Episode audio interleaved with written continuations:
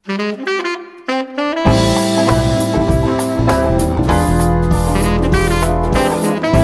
თვალი დაკავებული გაქვთ და საკითხავად არ გცალიათ, ან თუ ჩემსავით სათვალეს ვერ პოულობთ, ან და თუ უბრალოდ მოგენატრათ თვალების დახუჭვა და სხვების მიერ მოთხრობილი საინტერესო ამბებისთვის ყურის მიგდება, მაშინ ეს პოდკასტი თქვენთვისაა. გამარჯობა. თქვენ უსმენთ რადიო თავისუფლების პოდკასტს მოლაპარაკე ტექსტებს. მოლაპარაკე ტექსტებს. მე ბიძინა რამიშვილი გახლავართ. აქ მოქმედი პირები არიან ტექსტები, რომლებსაც რადიო თავისუფლების ვებსაიტზე ვარჩევ თქვენთვის კვირაში ერთხელ და მათ მოსათხრობ ამბებად ვაქცევ ხოლმე.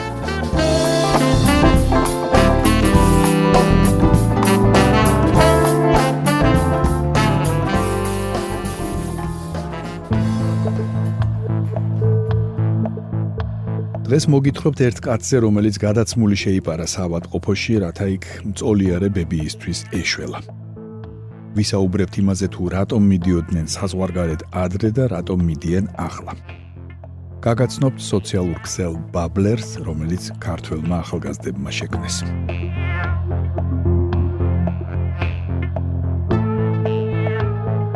ახლა მოისმინეთ რობერტ კოლსონის სტატია ტომსკელ კაცზე, რომელმაც საავადმყოფოში მწოლიარე ბებიას ვერაფრით უშველა. როცა სერგეი სამბორსკი ციმბირის ქალაქ ტომსკის ინფექციური საავადმყოფოს ერთი პაციენტისგან შეიტყო, რომ მის 84 წლის ბებიას, რომელსაც ალცჰაიმერის დაავადება ჰქონდა და COVID-19-ის დახურულ პალატაში იმყოფებოდა, არაჭმევდნენ და სათანადოდ არ უვლიდნენ, სამბორსკი საავადმყოფოს თანამშრომლებს თხოვდა მიეცათ საშუალება ბებიისთვის მოევლო. სამბორსკი საავადმყოფოს თანამშრომლებს თხოვდა მიეცათ საშუალება ბებიისთვის მოევლო, მაგრამ საავადმყოფოს აკრძალულ წითელ ზონაში შეშვებაზე უარი უთხრეს. ერთადერთი რაც თავისი გამსდელი ბებიის დასახმარებლად მოიფიქრა ის იყო რომ საავადმყოფოს თანამშრომლის დამცველი ტანსაცმელი გადაიცვა და შეიპარა ბებიის იულია ემელიაშინას მოსანახულებლად.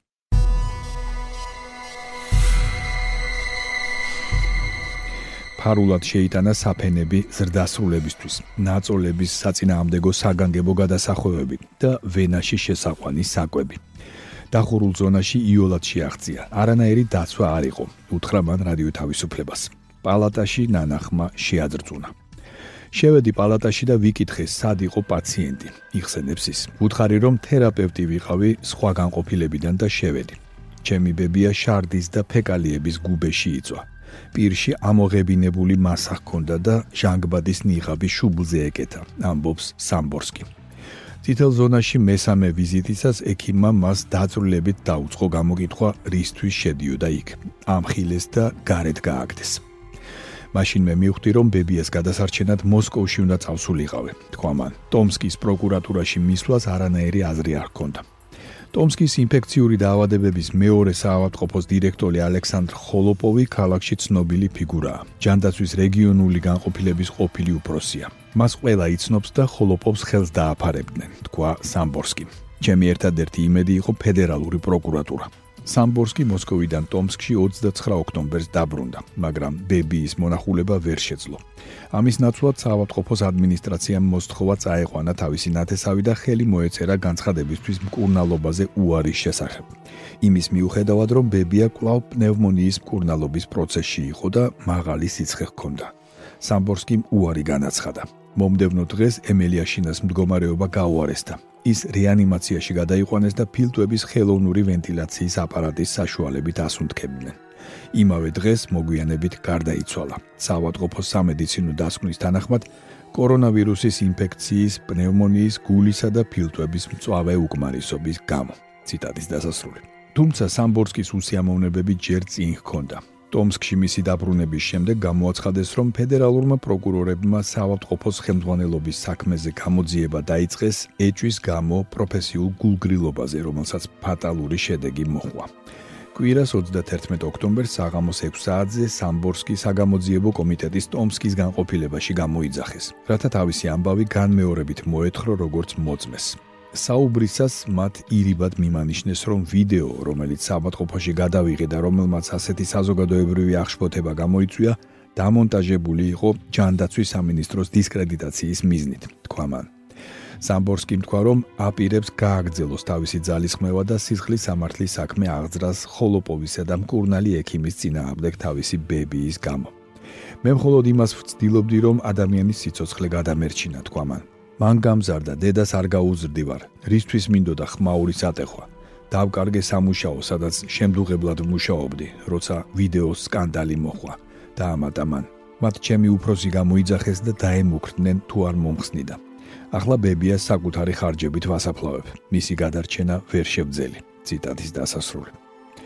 ეს გახლავთ რობერტ კოლსონის სტატია ტომსკელ კაცზე, რომელმაც საავადმყოფოში მწოლიარე ბებიას ვერაფრით უშველა.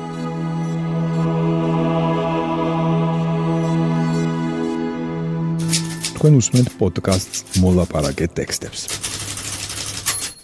შემდეგი ტექსტი გახლავთ თეატოფურიას სტატია რატომ მიდიოდნენ საზღვარგარეთ ადრე და რატომ მიდიან ახლა. მიზეზები იცვლება. სიღარიბე ეს არის ძირითადი მიზეზი რის გამოც 30 წელია საქართველოს მოქალაქეები საზღვარგარეთ მიდიან თუმცა სტატისტიკის ანალიზი აჩვენებს რომ დამოუკიდებლობის მოპოვების შემდეგ ემიგრაციის პროცესებზე სხვადასხვა დროს დამატებით სხვა მიზეზებიც მოქმედებდა. მაკა გუგუჩიას გაუმართლა და თავის დროზე მწვანე ბარათი მიიღო შეერთებულ შტატებში 2004 წელს გადასახლდა. სუსტად იმ დროს, როდესაც აჭარაში ასლან აბაშიძის რეჟიმი დაამხეს. მაშინ ეგონა 2-3 წელიწადში უკანვე დაბრუნდებოდა, მაგრამ უკვე 2021 წელია და დღემდე საქართველოში მხოლოდ სტუმრად ჩამოდის. მაკა კონექტიკუტში ცხოვრობს და მუშაობს. მის გარშემო ასობით ქართველია, მაგრამ მხოლოდ ორი შემთხვევა ახსენდება, როდესაც ოჯახი უკან საქართველოში დაბრუნდა. აბსოლუტური უმრავლესობა პირიქით ცდილობს ახლობლებით შეერთებულ შტატებში ჩაიყვანოს. სტატისტიკის ეროვნული სამსახურის მონაცემებით საქართველოსდან ემიგრაციაში ყოველწლიურად 100.000-მდე ადამიანი მიდის. შედარებით ნაკლები იყო 2020 წელს, COVID პანდემიის პერიოდში 75.000-მდე. ექსპერტი მიგრაციის საკითხებში თამაზ ზუბიაშვილი ამბობს, რომ საქართველოსდან საზღვარგარეთ წასულების რაოდენობა ყოველწლიურად მატულობს. ზუსტი რიცხვი არ არსებობს, მაგრამ მისი ვარაუდით საქართველოსდან უკვე მილიონ ნახევარი ადამიანია გასული, რაც 3 მილიონ 700.000 კაცის კვალობაზე ძალიან მაღალი მაჩვენებელია. ზოგადად ემიგრაციის ძირითადი მიზეზი ყოველთვის ეკონომიკური სიდუხჭირეა, ამბობს ის. ამ ძირითადი მიზეზის გარდა არის სხვა გარემოებებიც. თავდაპირველად, როდესაც საქართველოს დამოუკიდებელი გახდა, ეთნიკური ჯგუფები, ბერძნები, ებრაელები, რუსები მასობრივად დაბრუნდნენ საკუთარ სამშობლოში. ინტენსიური მიგრაცია თითქმის 10 წელი გრძელდებოდა. მერე შედარებით იკლო, მაგრამ დღემდე უფრო მეტი ადამიანი გადის ვიდრე შემოდის, ამბობს თამაზ ზუბიაშვილი. მიგრაციის საკითხთა სამთავრობო კომისიის დოკუმენტში საქართველოს მიგრაციის 2019 წლის პროფილი ვკითხულობთ, რომ თავიდან საქართველოს ძირითადად არასტაბილური ვითარების გამოტოვებდნენ, მაგალითად შეერაღებული კონფლიქტების. მოგვიანებით წინ ეკონომიკური და სოციალური ფაქტორები წამოვიდა. უკვე ახლა ემიგრაციის ტალღაზე მნიშვნელოვნად მოქმედებს საზღვარგარეთ ჩამოყალიბებული ქართული დიასპორები. ევროკავშირის ქვეყნებში წამსვლელების 20-30% მიზეზად სწორედ ოჯახის გაერთიანებას ასახელებს. რაც შეეხება შეერთებულ შტატებს, 2015-2017 წლებში ბინადრობის ნებართვის უმრავლესობა საქართველოს მოქალაქეებზე შეერთებული შტატების მოქალაქესთან უშუალო ნათესაური კავშირის და ეგრეთ წოდებული მწვანე ბარათის მოგების საფუძველზე გაიცა. ცნობილი ხუმრობა, ბოლო ვინც წამოვა აეროპორტში შუქი ჩააქროს, მეტნაკლებად გამართლდა მას შემდეგ რაც 2017 წელს ევროკავშირის ქვეყნებში უვიზო მიმოსვლა ამოქმედდა.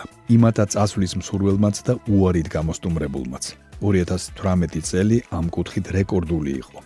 ყველაზე მეტი უარი საქართველოს მოქალაქეებმა გერმანიის, საბერძნეთის, საფრანგეთის, კვიპროსის და პოლონეთის საზღვარზე მიიღეს.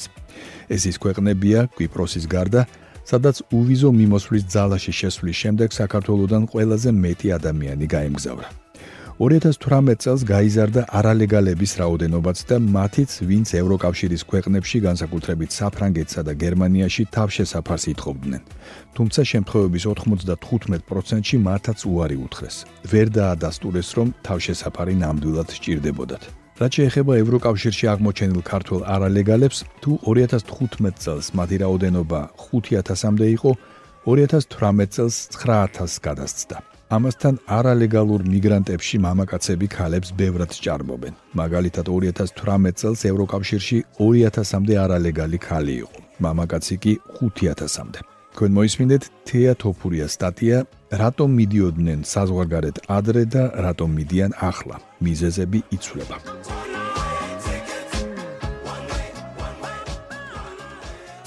თქვენ უსმენთ პოდკასტს მოლაპარაკე ტექსტებს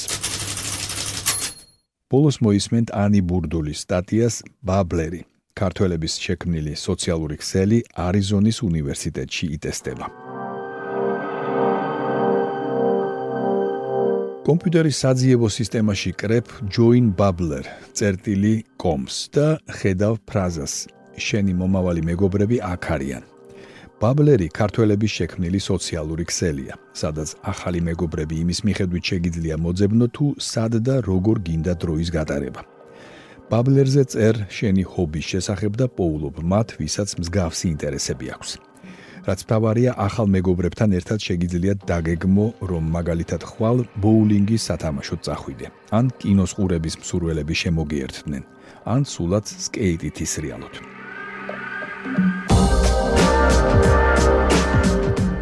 22 წლის ლუკა ხათრიძემ, 18 წლის დაჩი ტაბატაძემ და 16 წლის ნიკა სირაძემ ერთმანეთის საერთო ინტერესების წყალობით გაიცნეს და გადაწყვიტეს ისეთი პლატფორმა შეექმნათ, რომელიც ახალგაზრდებს დროის ერთად და საინტერესოდ გატარებაში დაეხმარებოდა. შემდეგ კიბერუსაფრთხოების ბანაკში ნიკამ და დაჩიმ გაიცნეს ერთმანეთი და საბოლოოდ მიხვდნენ, რომ საერთო ინტერესების ადამიანებს ერთმანეთთან ყველაზე მეტად აქტივობები აახლოებს. ყვება ლუკა ხათრიძე. დაჩი ახლა ამერიკაში ცხოვრობს. ის არიზონის უნივერსიტეტის პირველი კურსის სტუდენტია და პარალელურად ერთ-ერთი მიკროსაფინანსო ორგანიზაციის სტაჟიორია. სწორედ არიზონის უნივერსიტეტი დაინტერესდა ქართველი ბიჭების სოციალური ქსელის იდეით და მის განვითარებაში ეხმარება. ვებ აპლიკაციამ, რომელიც ჯერ კიდევ გამოცდის ეტაპზეა, ორ თვეში 200 მომხმარებელი დაარეგისტრირა. ბაბლერის არსებობის ხანმოკლე ისტორიის მანძილზე თევზაობის მსურველებმა გაიცნეს ერთმანეთი და ითევზავეს კიდეც. შეიქმნა სკეიტერების ოთხკაციანი ჯგუფი და ერთადაც ისრიალეს. დამფუძნებლებმა სამიზნე ქვეყნად ამერიკა აირჩიეს. ფიქრობენ, რომ ბაბლერის კონცეფცია ამერიკელი სტუდენტების ცხოვრების სტილს ყველაზე უკეთ ერგება. სხვადასხვა ქვეყნიდან და შტატიდან ერთ უნივერსიტეტში შეკრებილ სტუდენტებს უჭირთ ახალ გარემოსთან მორგება და ახალი მეგობრების სწრაფად პოვნა. ამერიკა არის ძირითადი სამიზნე, თუმცა არ არის შეზღუდული ის, რომ მაგალითად ქართველმა ახალგაზრდებმა გამოიყენონ ეს პროგრამა, თუნდაც თავიანთ უნივერსიტეტში. უბრალოდ აპლიკაცია უფრო მეტად ამერიკელი სტუდენტების ცხოვრების სტილზეა მორგებულიო, ამბობს დაჩი ტაბატაძე. რა გამოარჩევს ბაბლერს სხვა სოციალური ქსელებისგან? უნიკალურობა არის ის, რომ არის ადგილმდებარეობაზე დაფუძნებული და მე რომ არიზონაში ვარ, საქართველოსში დაპოსტილს არ ამომიგდებს. ჩემს წრეში ჩემი ირგვლივ მყოფ ადამიანებს გამომიჩენს, მათ აქტივობებს. აქ იქნება ახალი გარემო ინტერესების მიხედვით, მიკროლოკაციების, ქალაქის უნივერსიტეტის მასშტაბით, ამბობს დაჩი ტაბადაძე. თქვათ გინდა ფეხბურთის თამაში შენი უბნის პარკში ხვალ დილის 10 საათიდან და ეძებ პარტნიორებს. შედიხარ ბაბლერში, ქმნი პროფილს და წერ რა გინდა. იმ ადგილას უნივერსიტეტში ქალაქში მყოფი თამაშის მსურველები აპლიკაციაში ადვილად გაგნებენ და დასაწყისისთვის ქმნით საერთო bubbles, ანუ boosts. ახლა ლუკას, დაჩისა და ნიგას რამდენიმე საერთო სტრატეგიული ამოცანა აქვთ. ინვესტორების პოვნა, აუდიტორიის გაზრდა და smartphone-ებისთვის სრულყოფილი აპლიკაციის შექმნა. ამ ყველაფერს თუ მარკეტინგის თანხებს დაუმატებთ, ჯამში მათ ამ ეტაპზე 100.000 დოლარი სჭირდებათ. ამ სფეროში დიდი წარმატებისთვის საჭიროა დიდი ინვესტიცია, რაც ასე პირდაპირ არ მოდის. ნიკა არის 16 წლის, დაჩი 18 წლის და მე 22 წლის. ახლა ვცდილობთ მაქსიმალურად გავაფართოვოთ ჩვენი სოციალური წრე და დიდ აქსელერატორებთან ვითანამშრომლოთ. სხვათა შორის, სწორედ მომავალ კვირაში გასაუბრება გვაქვს ერთ-ერთ დიდ აქსელერატორთან, კივიტეკთან. ამბობს დაჩი. ბაბლერის დამფუძნებლების უახლოესი გეგმები არიზონის სრული მოცვა და მომავალი წლისთვის სხვა შტატებში ბაბლერების რაოდენობის გაზრდა. ეს გახდათ ანი ბურდულის სტატია ბაბლერი. ქართველების შექმნილი სოციალური ქსელი არიზონის უნივერსიტეტში იტესტება.